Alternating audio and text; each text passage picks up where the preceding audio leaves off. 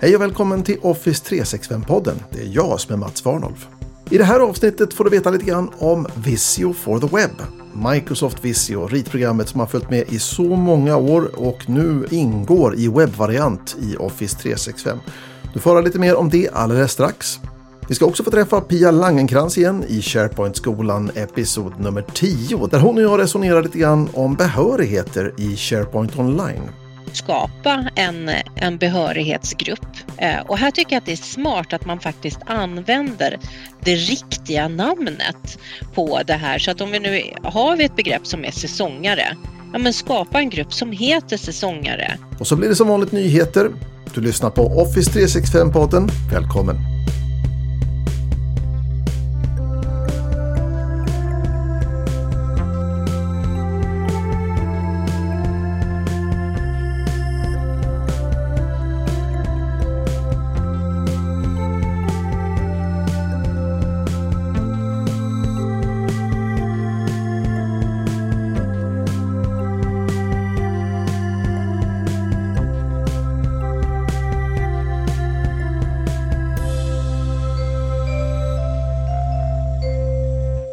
En bild säger mer än tusen ord. För så är det ju. Jag kan prata mig trött för att i detalj beskriva en serie instruktioner för att till exempel ställa en fråga till Microsoft Graph eller något annat lika komplicerat. Vissa saker är helt enkelt mycket enklare att visa i form av en bild, till exempel en skärmbild som visar utgångsläget inför en serie instruktioner. Eller diagram som beskriver förhållandet mellan olika värden, som till exempel ett stapeldiagram eller cirkeldiagram. Det kan också vara en bild som beskriver hur saker och ting hänger ihop eller relaterar till varandra i ett system eller ett datanät. Man behöver ha ett bra verktyg för att skapa den här typen av bilder. Många av oss har säkert suttit med Powerpoint för att skapa vettiga bilder som beskriver något för publiken. Och andra riktigt modiga människor har kanske suttit i olika typer av ritprogram och liksom på frihand tagit fram den typen av grafik man vill ha. Det var nog i mitten på 90-talet som jag upptäckte Visio Visio var från början en applikation från företaget Shapeware, men Microsoft köpte bolaget år 2000. Och det här är fortfarande min favoritapplikation när det gäller att skapa beskrivande grafik. Visio, eller numera Microsoft Visio, är fortfarande under aktiv utveckling. När jag började använda Visio så använde jag det för att beskriva nätverk, applikationsarkitekturer och avancerade system. Det är förvånansvärt enkelt att lära sig Visio. Det är med andra ord relativt intuitivt. Man skapar ett diagram från en blank sida eller en av många mallar. Sen drar man symboler från en lista till sidan och kopplar de olika symbolerna till varandra. Det finns avancerade funktioner i Visio som låter mig koppla data till symbolerna i mina diagram.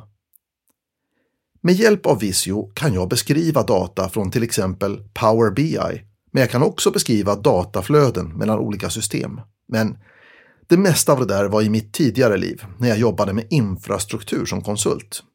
Jag kunde agera arkitekt för en lösning och beskriva ett lösningsförslag som en översikt, eller i detalj, med hjälp av olika diagram som jag i princip alltid ritade med Visio.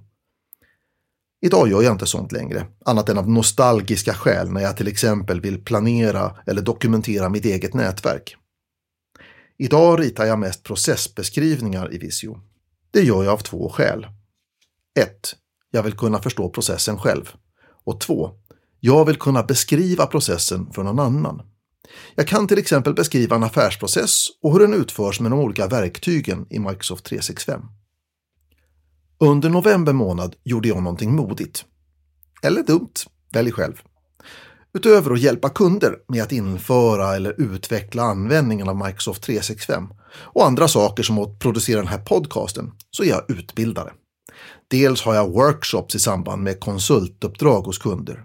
Men jag håller också officiella kurser från Microsoft tillsammans med utbildningsföretaget Cornerstone.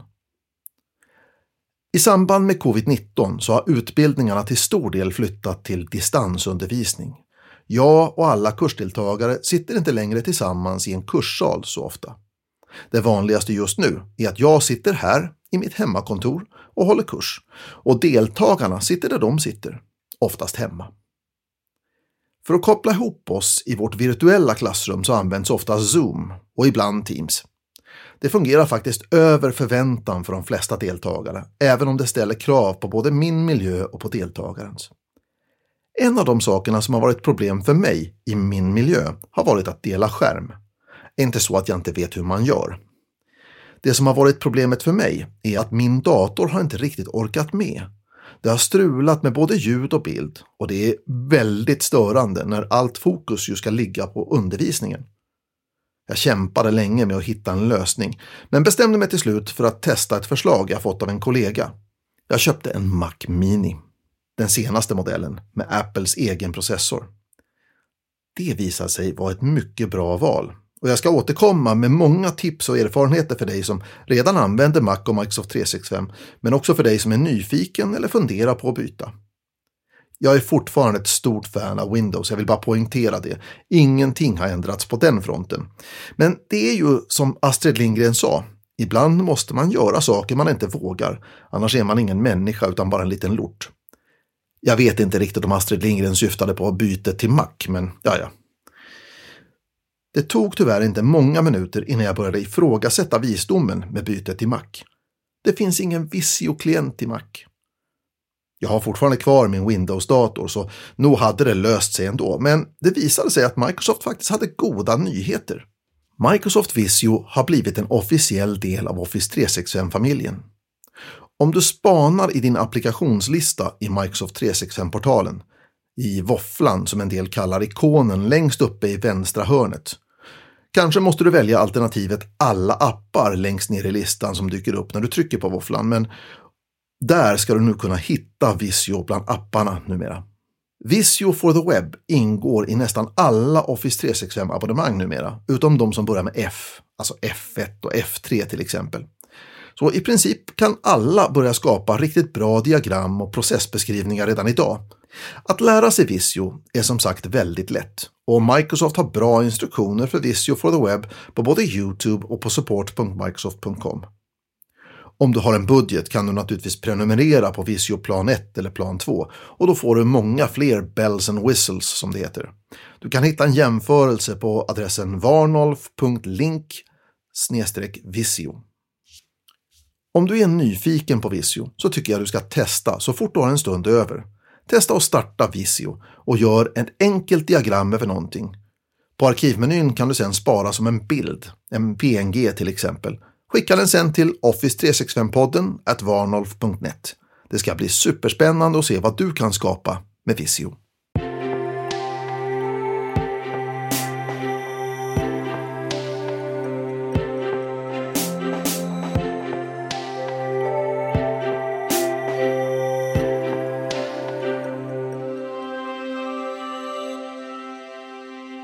Välkommen till SharePoint-skolan! Yay! Välkommen Yay. tillbaka!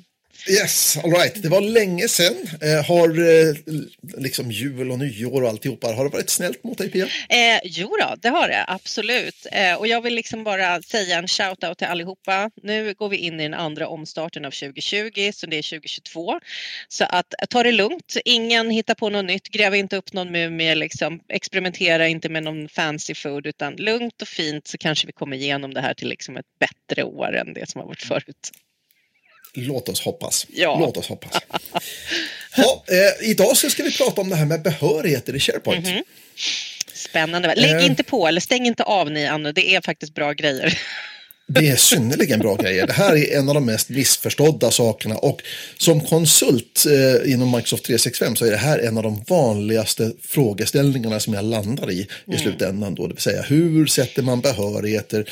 Och ganska ofta så är jag med om att eh, man, man tänker sig att Eh, det här är som någon slags avancerad filstruktur och så försöker man liksom slå knut på sig själv med behörigheterna. Så jag tänkte, en gång för alla tänkte jag att eh, du och jag Pia skulle mm. ta och reda ut det här. Vad, hur funkar det med behörigheter i SharePoint Online? Mm. Vi börjar med grunden. Mm. Vi, vi går därifrån att det finns tre olika varianter för behörigheter.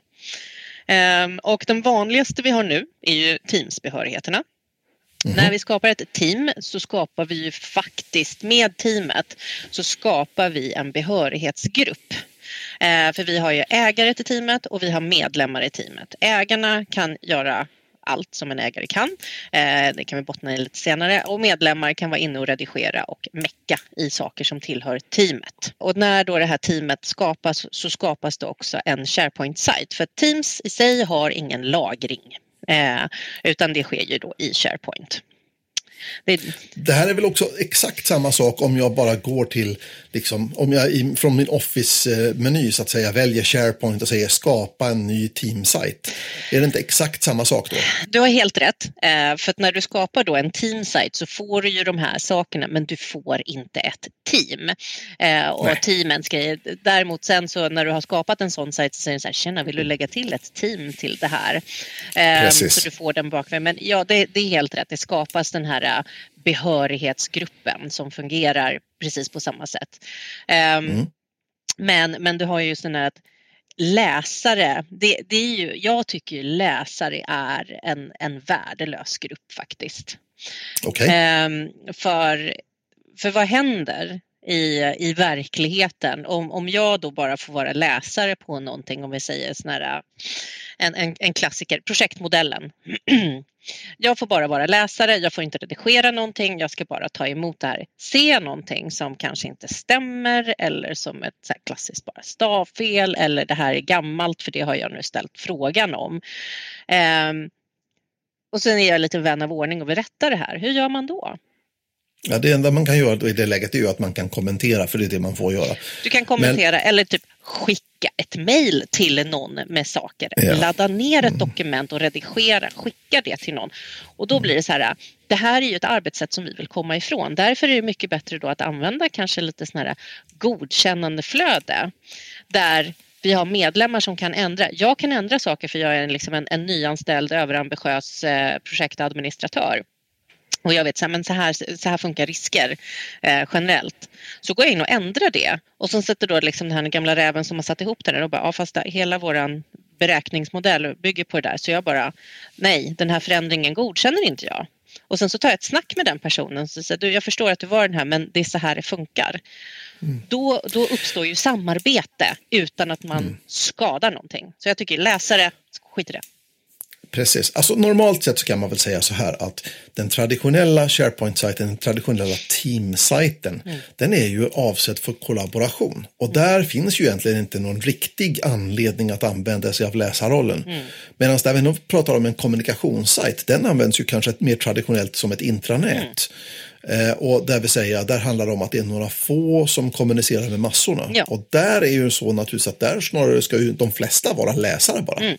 Ja men precis, det finns eh, de här tre olika sakerna. Du har i Teams med medlemmar och ägare. Du har en standalone där standard är ägare, medlemmar och läsare. Och sen så har du liksom att du kan bygga det på dynamiska grupper i Active Directory. Eh, annars mm. måste du administrera själv. Eh, ja, precis. Men, det är men kan, man ha, kan man ha SharePoint utan behörigheter? Nej. Alltså om man bara sätter, det går inte? Nej, nej, nej, stopp. Eh, utan behörighet, hur ska, det, hur det se ut? Det, alltså, jag förstår ju att det skulle vara helt tokigt, det går ju inte. Alltså inte ens Wikipedia där alla får göra allting utan behörigheter. Du får ju ändå skapa ett konto och gå in. Nej, men alltså, så det går ju inte att inte ha behörigheter. Däremot så kan du ställa in behörigheter så, så pass smart så att det känns som att det inte är någonting som man administrerar utan det bara funkar. Mm -hmm. mm. Om vi jämför lite grann med, med det klassiska filsharet. Mm. Eh, jag sätter upp en delad mapp någonstans på en server eller på min egen dator och så vidare och så börjar jag dela ut dokument som finns i det här mm. filsharet. Och då finns det ju lite enklare behörigheter. Jag har ju behörigheter för att läsa, jag har behörigheter för att skriva och jag har de här full control-varianterna. Mm. Eh, kan man säga då. Finns, hur är det, motsvarar det någonting i, i SharePoint? Innan vi går ner till de olika delarna så vill jag bara säga lite grann om den här eh, G-driven. Där har vi den här att vi tror att det är en sån simpel behörighet att det redan har funkat. Men där ska vi komma ihåg att det är någon som har satt upp de här eh, medlemmar, läsare, ägare. Det är skapat bakom men du är bara så van att du skickar ett mejl till IT-supporten. Nu har eh, Mats börjat jobbat här och han ingår i den här gruppen så han får de här behörigheterna. Så där har vi samma behörigheter. Ehm, de här tre standard som finns med SharePoint. Men när man tänker på vad är det vi kan låta en person göra i SharePoint och jämföra då med G-mappen så kan det här är förfinat. Gisses, här kan vi göra bra grejer. Eh, full control, eh, det är ju vad det är. Då kan du göra vad som helst här, eh, vad du vill. Eh, sen då, och det finns, det här är också så här, det här är lite standard. Det är när vi börjar gå in liksom att lite mer avancerat, sen finns det faktiskt en nivå till. Men jag tycker att vi stannar vid den här. Eh, för att när vi kommer in på den nivån efter det, ja, då ska du nog gå och ta certare som SharePoint-människa eller någonting. Eh, det är ingenting som man ska hacka på efter man har lyssnat någonting, inte ens på den här podden. Så. Så du menar alltså att det finns helt enkelt väldigt, väldigt finkorniga möjligheter att sätta behörigheter och liknande mm. saker? Jajamensan. Det är ju fantastiskt. Eh, och min erfarenhet då som SharePoint-administratör det är ju naturligtvis att om du inte behöver göra det, om du inte vet att du behöver göra det, så gör inte det. Mm. Utan de där grejerna, de finns där för de här specialfallen. Mm. Och i de allra flesta fall så behöver man inte använda sig av dem alls, utan man kan använda sig av de här traditionella rollerna som är naturligtvis ägare mm. eller medlem. Mm, precis. Det är helt rätt. Och det är så här, visst, eh, det är alltid trevligt att liksom öppna på den här dörren ner i kaninhålet för att se hur djupt det går. Eh, men jag tycker att man ska, man ska inte öppna mer än till det här som vi säger nu, då som är full control. Och sen design.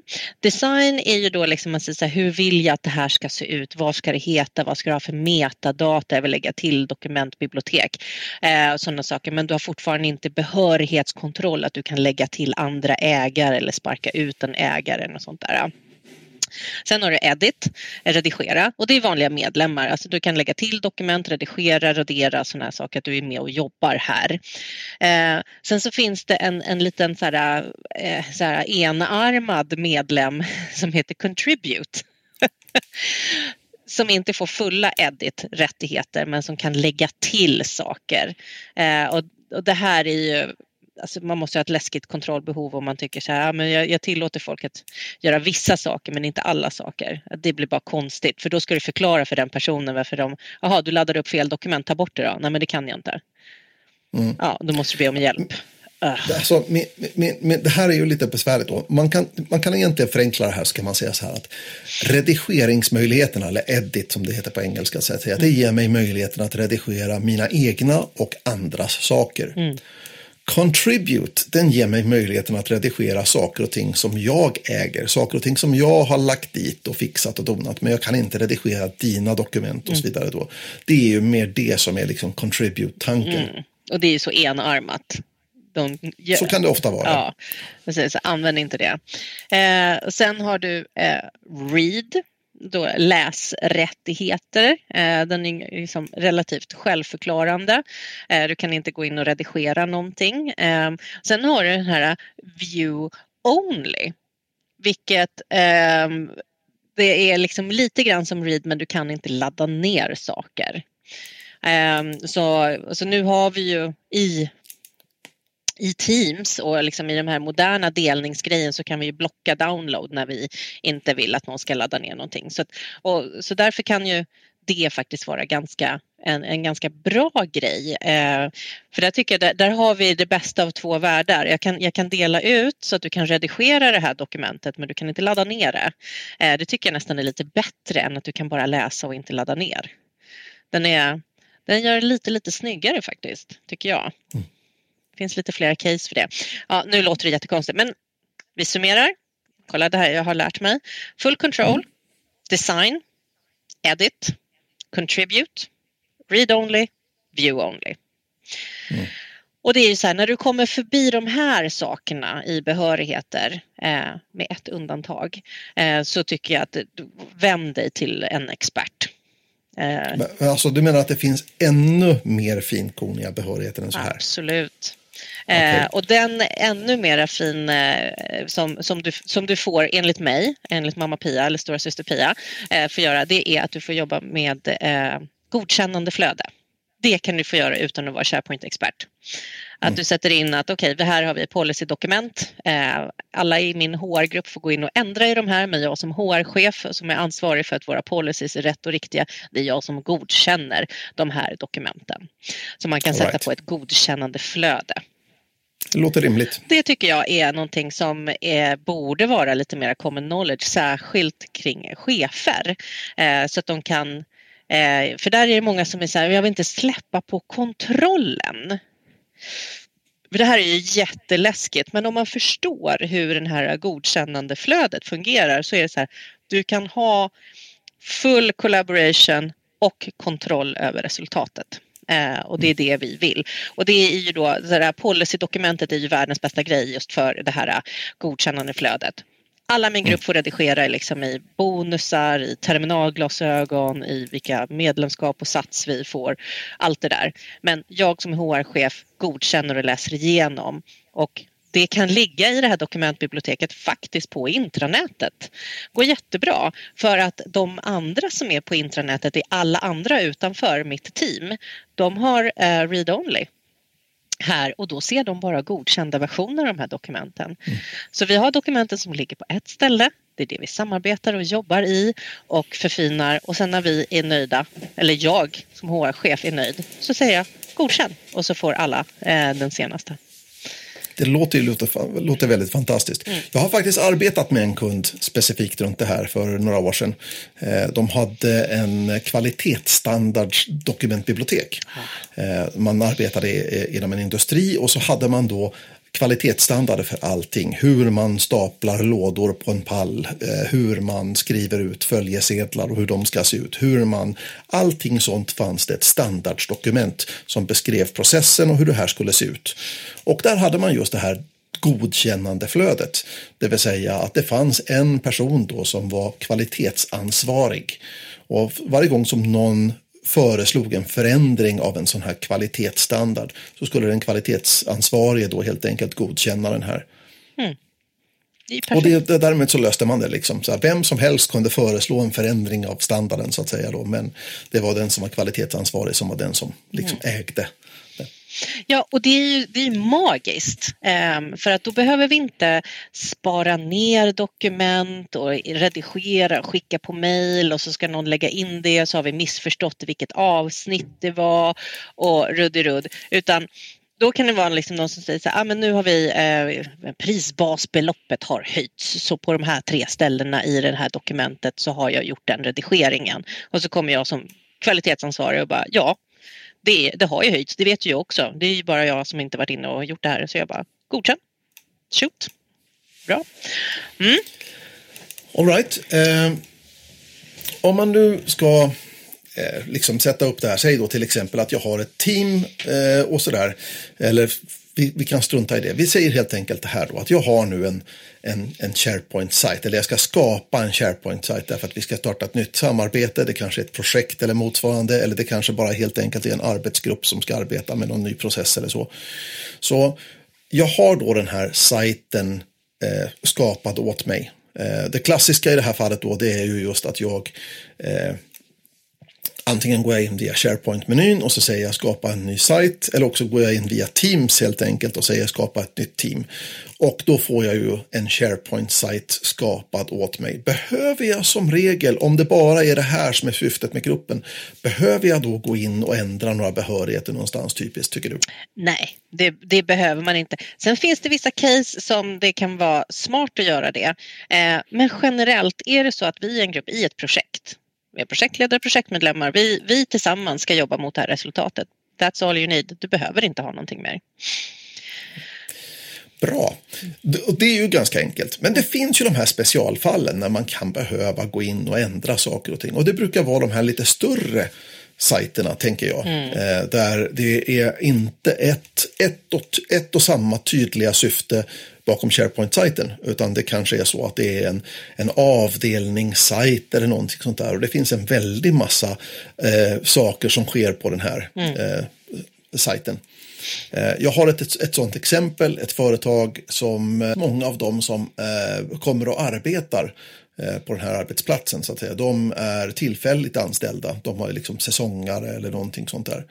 Eh, och, och, en del av dem då är fast anställda och så. Och eh, då vill man då till exempel ha lite olika behörigheter i sajten beroende på om man är säsongare eller om man är fast anställd eller så vidare då. Mm.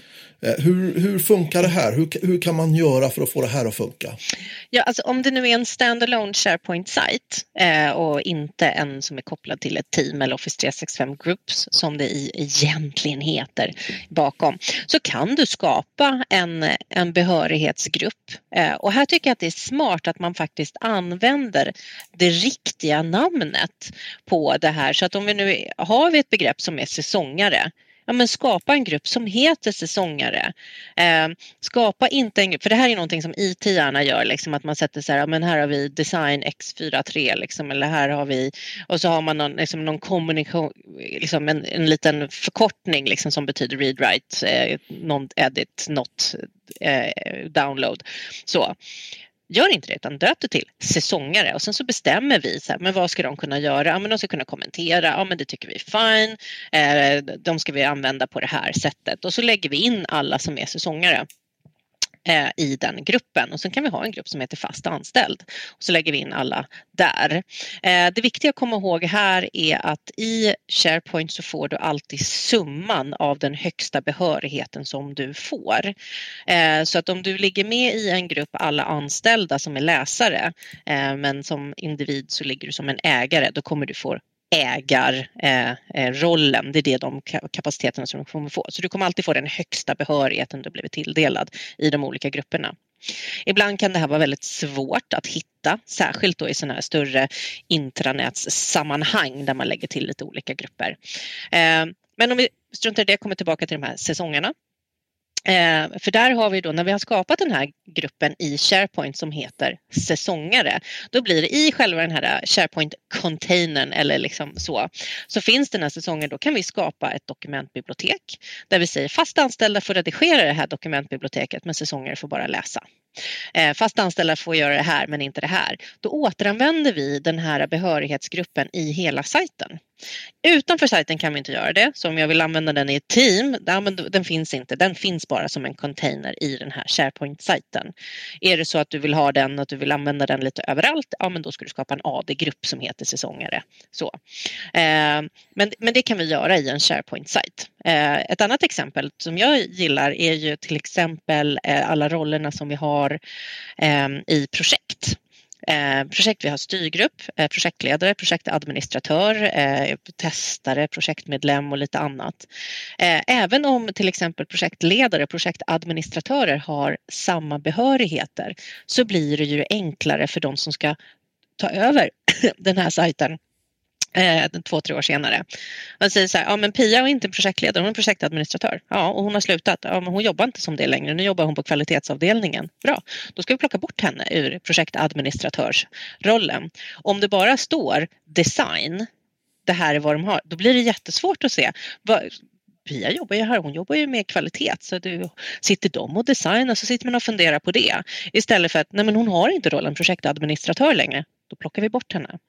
Så även om de har samma uppsättning av behörigheter och här liksom kommer ju då någon vän av ordning på IT-avdelningen, då är det onödigt att ha två grupper. Ja, men då slipper vi dokumentera, då slipper vi utbilda, då slipper vi tala om för någon hur, hur går du ner i det här kaninhålet och ta reda på vad det är för behörigheter. All right.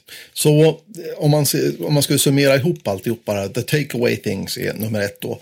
Eh, när vi skapar de här behörighetsgrupperna, när vi skapar grupper som vi sen tilldelar behörigheter, för det är det vi pratar om när vi säger en behörighetsgrupp, mm. så pratar vi om att skapa en helt vanlig grupp och sen så ger vi den gruppen vissa behörigheter på sajten. Mm.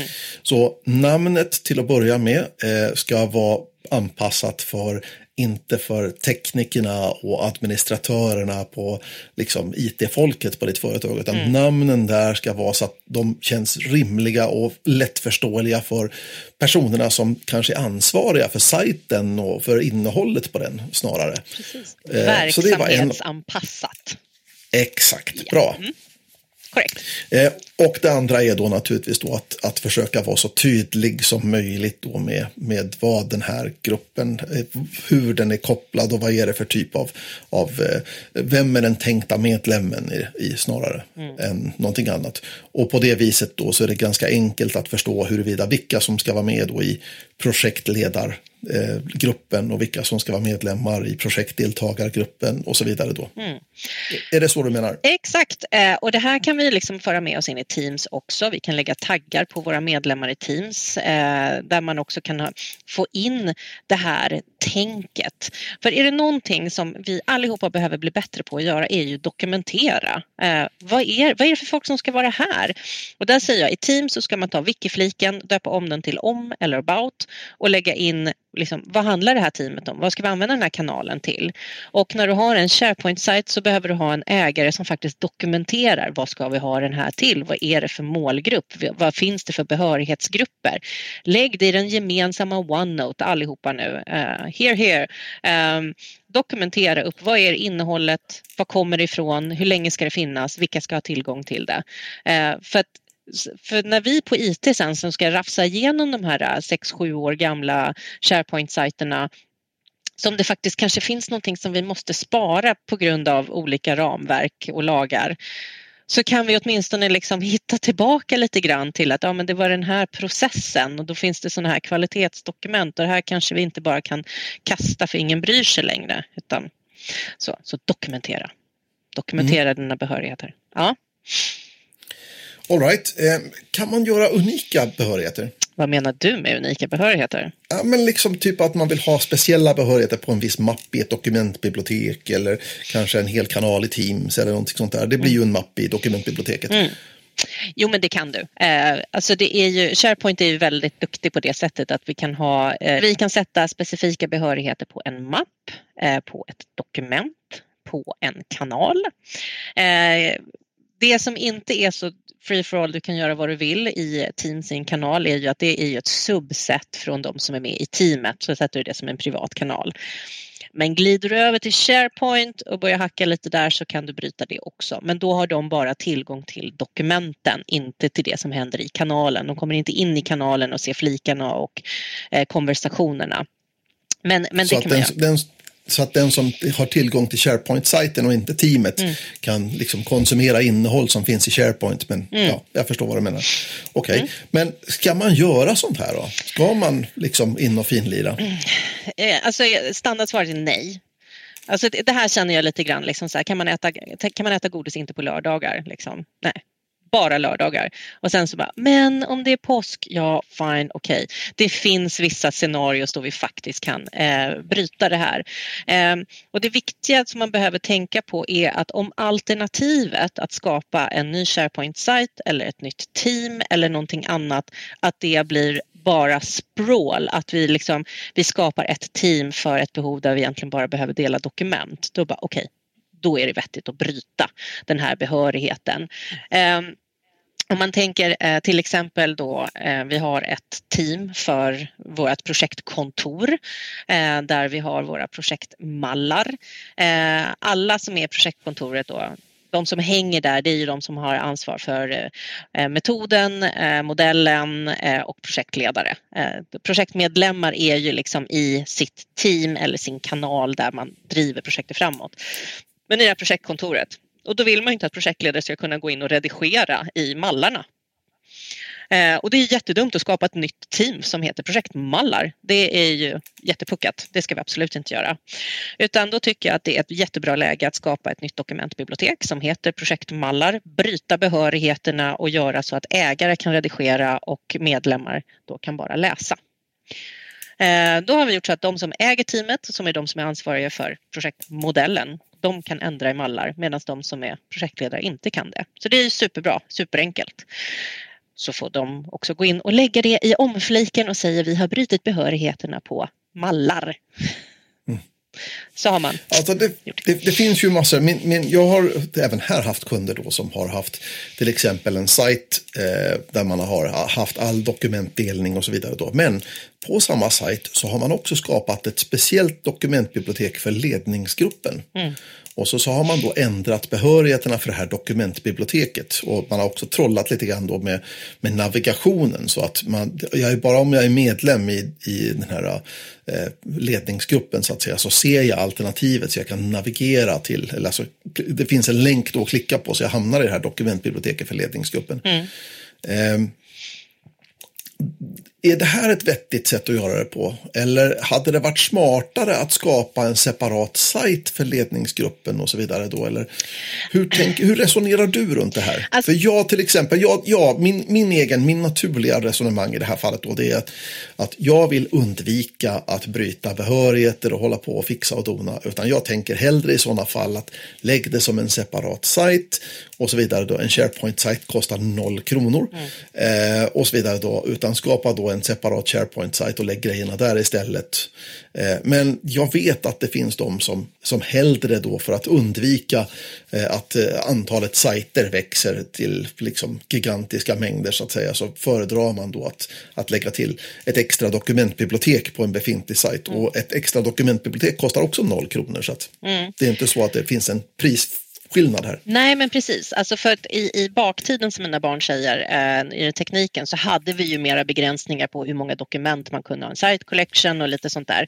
Så att nu är det ju tekniskt hugget som stucket utan nu handlar det ju liksom mer om verksamhetsmässigt. Och där kan jag säga, alltså är det större företag med flera tusen anställda då är det liksom, då är liksom högerregeln skapa en ny sajt. Eh, är det ett mindre företag, kanske med 50 anställda eller någonting, skapa ett nytt dokumentbibliotek. För någonstans är det liksom så här, hur många är vi? Hur många administratörer kommer att finnas här? För det, det som vi ska komma ihåg, skapar vi ett nytt dokumentbibliotek och bryter behörigheterna, vi är fortfarande samma administratörer som har hand om hela den här sajten. Kanske vill vi då skapa en ny sajt där vd-sekreteraren är admin för ledningsgruppen och vi ger henne lite mer, lite mer kompetens i SharePoint sharing och dokumenthantering eh, för att kunna se till så att inte ja, Jesper, IT-killen, liksom har eh, admin-rättigheter till ledningsgruppen. Det är lite läskigt ibland. Det kan det absolut vara. Mm. Men skulle man kunna konstatera då att det är rent tekniskt sett så är det mer en smaksak vilken lösning man vill ha. Eh, och egentligen bägge modellerna har sina för och nackdelar med varandra. Mm. Bägge funkar och man får helt enkelt välja någon av dem. Ja, och sen så finns det ju några lite olika scenarios eh, där det är bättre eller sämre. Eh, men ett exempel som jag tycker är jättebra är liksom i rekrytering. HR-teamet ska rekrytera rekryteringsplan 2022. Så man skapar en mapp i den kanalen som heter eh, IT-chef. Eh, och när vi har kommit så långt, och där lägger vi alla CV, och när vi kommer så långt att vi börjar intervjua, tre, fyra stycken, då skapar vi en mapp per namn där, där vi delar ut den mappen med den individen och här lägger vi ner policies när de frågar oss om vissa saker, så lägger vi ner dokument där som de inte får ladda ner till exempel, som de får läsa och sen när vi har anställt någon så tar vi bort den här delningen och vi stänger ner det. Det finns fortfarande vårt HR-team. Vi behöver inte skapa en ny sajt för det här. Det är ganska avancerat men samtidigt ganska enkelt för att vi fattar hur det här ska hänga ihop eh, framåt. Mm. Det, det, finns ju när man tittar på alla de här avvägningarna och så vidare, hur man ska göra saker och ting, mm. så vad vi pratar om här egentligen, det är ju det som vi har diskuterat så många gånger förut. Vi pratar om en informationsarkitektur. Ja. Det vill säga, var lägger vi saker och ting? Hur ser vi till att rätt människor får göra rätt saker med de olika dokumenten som vi har? Mm. Och i grund och botten så är det ju så att det är så lätt att tänka sig att det var, här var enklare när vi bara hade en filserver. Men precis som du sa i inledningen så är det ju så att det är enklare bara för att någon annan har gjort någon annan har tänkt innan. Mm. Eh, och så att du slipper eh, och så. Och sen är det eh, också när vi säger, använder ordet informationsarkitektur så är det många som tror att det handlar om att informera. Nej, det handlar faktiskt om att samarbeta kring informationen också. Inte liksom hur vi ska sätta upp liksom hur den här intranätet eller någonting, då behöver vi ha en informationsarkitektur där vi har navigering. Det gäller också i samarbete, vem som ska Absolut. få redigera och jobba med det här vad vi pratar om här, det här är också informationsarkitektur. Ja. Och det här, det låter som ett fint ord, det låter som någonting svårt och komplicerat. I grund och botten så är det inte så svårt, utan jag menar även en blind höna klarar av att göra det här. Sen kommer informationsarkitekturen kanske lämna lite övriga önskemål, men det är fortfarande en arkitektur, oavsett om den är genomtänkt eller inte. Eh, och sådär. Finns det några andra scenarion som man tänker sig då där man skulle vilja eh, bryta behörigheter och, och, och, fixa och dona och sånt där? Ja, men alltså, och det är när man har sådana här processer där man har ett strukturerat samarbete med någon utanför där man bara ska få se delmängder. Upphandlingar är ju en sån sak. Liksom. Och där, precis som jag sa i rekrytering, alltså där har vi liksom tydliga roller i processen när de ska göra vissa saker. Samma sak med upphandling. Så vi ska inte bara, ah, men jag vill att Bengan ska kolla på den här grejen så sätter vi upp en specifik behörighet för det. Nej, det är när vi vill liksom en roll i en process ska göra någonting. När vi har eh, ekonomi behöver gå in i den här, kvalitetsansvariga eh, behöver godkänna det här.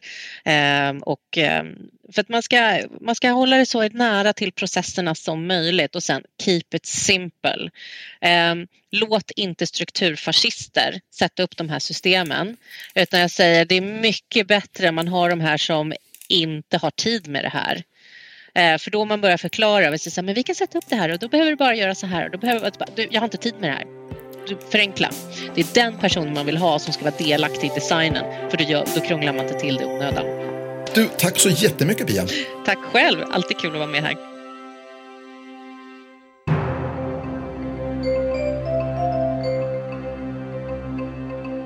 Dags för nyheter i Office 365-podden.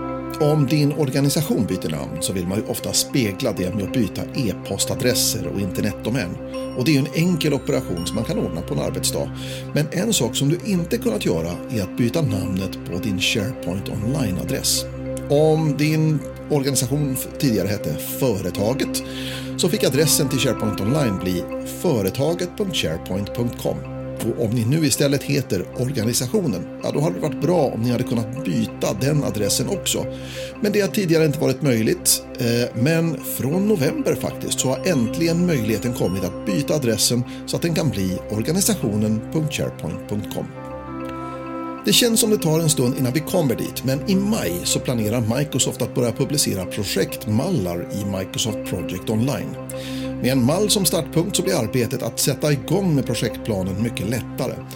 Microsoft nämner ännu inget om huruvida vi ska kunna lägga dit egna projektmallar för återkommande projekt, men det känns som en så pass uppenbar funktion att det är svårt att tänka sig att det inte skulle finnas med. Som sagt, i maj 2022 så kan vi börja hålla utkik efter de här projektmallarna. Microsoft har nyligen presenterat stöd för att använda organisationens egna typsnitt i PowerPoint på alla plattformar. Och I februari så kommer stödet för PowerPoint på webben och i mars kommer funktionaliteten till Windows och i juni för MacOS. Men fram till dess så är mitt bästa tips att använda de typsnitt och fonter som vi vet fungerar på alla plattformar. Och för att göra det åskådligt så har företaget Design to Present gjort ett hästjobb och publicerat en guide över alla typsnitt som fungerar att använda på alla plattformar redan idag. Du hittar den här guiden med länken varnolf.link fonts. Nu erbjuder Microsoft obruten kryptering vid röstsamtal i Teams. Det innebär att dina röstsamtal krypteras på din enhet och dekrypteras först på mottagarens enhet. Så samtalet är helt skyddat hela vägen mellan enheterna. Det här fungerar på mobiler och på desktopklienten men inte i webbläsarklienten. Funktionen är som standard avstängd i alla organisationer men man kan enkelt tillåta det här av administratörerna och därefter så kan var och en avgöra om de vill att samtalen ska vara krypterade genom inställningen som man gör i sin Teams-klient. Notera att båda de här samtalande måste ha den här inställningen påslagen för att samtalet faktiskt ska vara skyddat av obruten kryptering. Teams-mallar får nu koppling till SharePoint-mallar. Det låter kanske konstigt, men tidigare när vi har använt en mall för att skapa ett team så har vi fått en standardsajt som följer med. Men om jag till exempel vill skapa ett projektteam i Teams, då har jag manuellt då fått sätta upp SharePoint-sajten så att den har alla de funktioner som vi behöver ha i projektet. Men nu pratar Microsoft om en koppling mellan Teams-mallar och SharePoint-sajtmallar. Och på det här viset så kan jag ange att en viss typ av team också ska få en viss sorts SharePoint-sajt. Det här rullar nu ut i slutet på januari och början på februari i år. Jag har inte sett hur det här ska kunna styras än, men det verkar som en otroligt bra förbättring. Och det var nyheterna i Office 365-podden.